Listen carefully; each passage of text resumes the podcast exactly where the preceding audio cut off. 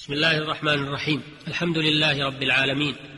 يمن على من يشاء بالأولاد ويجعلهم فتنة يتبين بها الشاكر الذي يقوم بحقهم ويصونهم عن الفساد. والمهمل الذي يضيعهم فيكونون حسرة وخسارة عليه في الدنيا ويوم يقوم الأشهاد. صلى الله وسلم على نبينا محمد وآله وصحبه المبعوث رحمة للعباد. وبعد أيها المستمعون الكرام السلام عليكم ورحمة الله وبركاته. نتحدث إليكم في هذه الحلقة امتدادا للحلقات السابقة في موضوع الحضانة. ونخص حديثنا هذا ببيان أهمية تربية الأولاد وعظم مسؤوليتهم على آبائهم. قال الله تعالى يا أيها الذين آمنوا قوا أنفسكم وأهليكم نارا وقودها الناس والحجارة وإن من أهم أغراض حضانة الأولاد وقايتهم من هذه النار بتربيتهم على الطاعة والصلاح والاستقامة.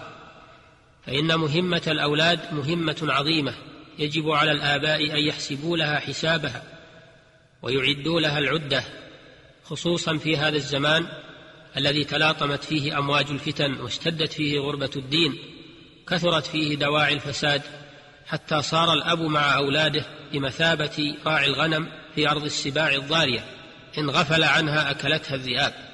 أيها الإخوة المستمعون إن عناية الإسلام بتربية الأولاد واستصلاحهم تبدو واضحة في وقت مبكر حيث شرع للرجل أن يختار الزوجة الصالحة ذات الدين والأخلاق الفاضلة لأنها بمنزلة التربة التي تلقى فيها البذور قال الله تعالى نساؤكم حرث لكم.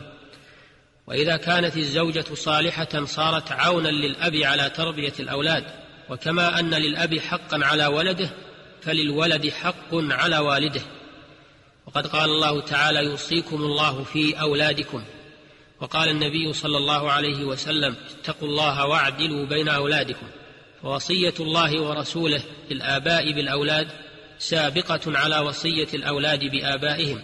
فمن أهمل تعليم ولده ما ينفعه فقد أساء إليه غاية الإساءة ولم يقم بحقه الذي أوجبه الله عليه والطفل ينشأ على ما عوده المربي كما قال الشاعر وينشأ ناشئ الفتيان منا على ما كان عوده أبوه.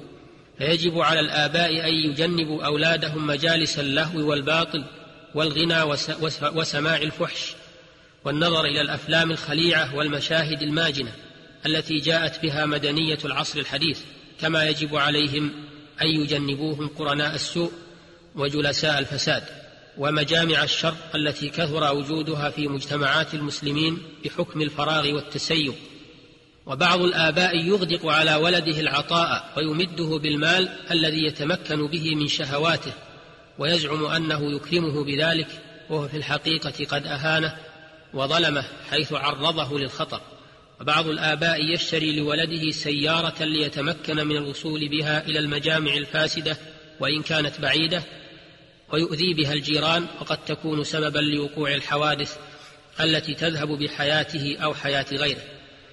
وبعض الآباء لا يربي ولده سوى التربية الحيوانية سوى التربية الحيوانية فيوفر له الطعام والشراب والكسوة ولا يهتم بتربيته الروحية والعقلية.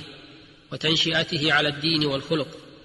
أيها الآباء لقد حملكم الرسول صلى الله عليه وسلم مسؤولية أولادكم حيث قال مروا أولادكم بالصلاة لسبع واضربوهم عليها لعشر وفرقوا بينهم في المضاجع. فأمركم بتربيتهم على أداء الصلوات وما يتبع ذلك من تعليمهم أحكام الطهارة وقراءة القرآن والدعاء وأعمال الصلاة. وأن تتدرجوا معهم حسب أسنانهم واستعدادهم. اولا تأمرونهم وهم في سن السابعة مجرد أمر وتأكيد ثم تضربونهم إذا امتنعوا من امتثال الأمر إذا بلغوا سن العاشرة ليذوقوا العقاب على المعصية فينفروا منها. كما أمركم أن تباعدوا بين مضاجعهم فلا ينام بعضهم إلى جانب بعض خشية الوقوع في الفساد الخلقي.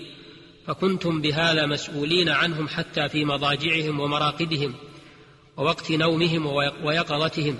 كذلك أنتم مسؤولون عن توجيه أولادكم التوجيه الفكري.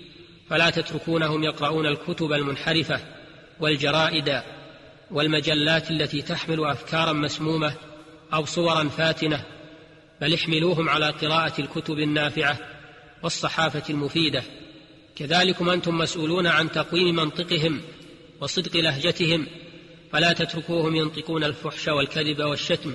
فقد كان السلف الصالح يهتمون بهذا الجانب مع أولادهم. قال إبراهيم النخعي رحمه الله كانوا يضربوننا على الشهادة والعهد ونحن صغار. كما أنكم مسؤولون عن تعليمهم وثقافتهم. بأن تختاروا لهم المدارس الصالحة والمدرس الحاذق المستقيم في علمه وعمله. وأن تتعاونوا مع المدرسة على متابعتهم ومواظبتهم. وأهم من هذا كله إحضارهم إلى المساجد لأداء الصلوات وقراءة القرآن واستماع الدروس والمواعظ النافعة ومجالسة الصالحين. لكن مع الأسف المرير نرى أن كثيرا من الآباء لا يهتم بهذا الجانب فيتركون أولادهم في أوقات الصلوات يجوبون الشوارع أو يختفون في البيوت.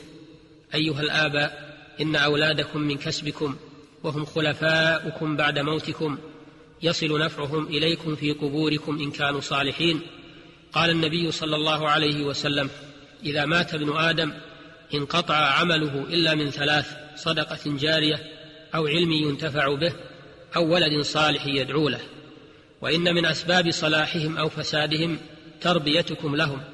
قال النبي صلى الله عليه وسلم كل مولود يولد على الفطرة فأبواه يهودانه أو ينصرانه أو يمجسانه. وإن من أهم أغراض الحضانة في الإسلام تربية المحظون بفعل ما ينفعه وإبعاده عما يضره. وقد ابتلي بعض المسلمين في هذا الزمان بتسليم أولادهم إلى مربين أو مربيات يستقدمونهم من الخارج وقد يكونون كفارا يلقنون الأولاد المبادئ الهدامة والأفكار السيئة. والبعض الآخر قد يدفع بأولاده الصغار إلى دور الحضانة التي قد تكون مؤسسات تبشيرية تعمل في الخفاء على تغيير فطر الأطفال وصرفهم عن دينهم.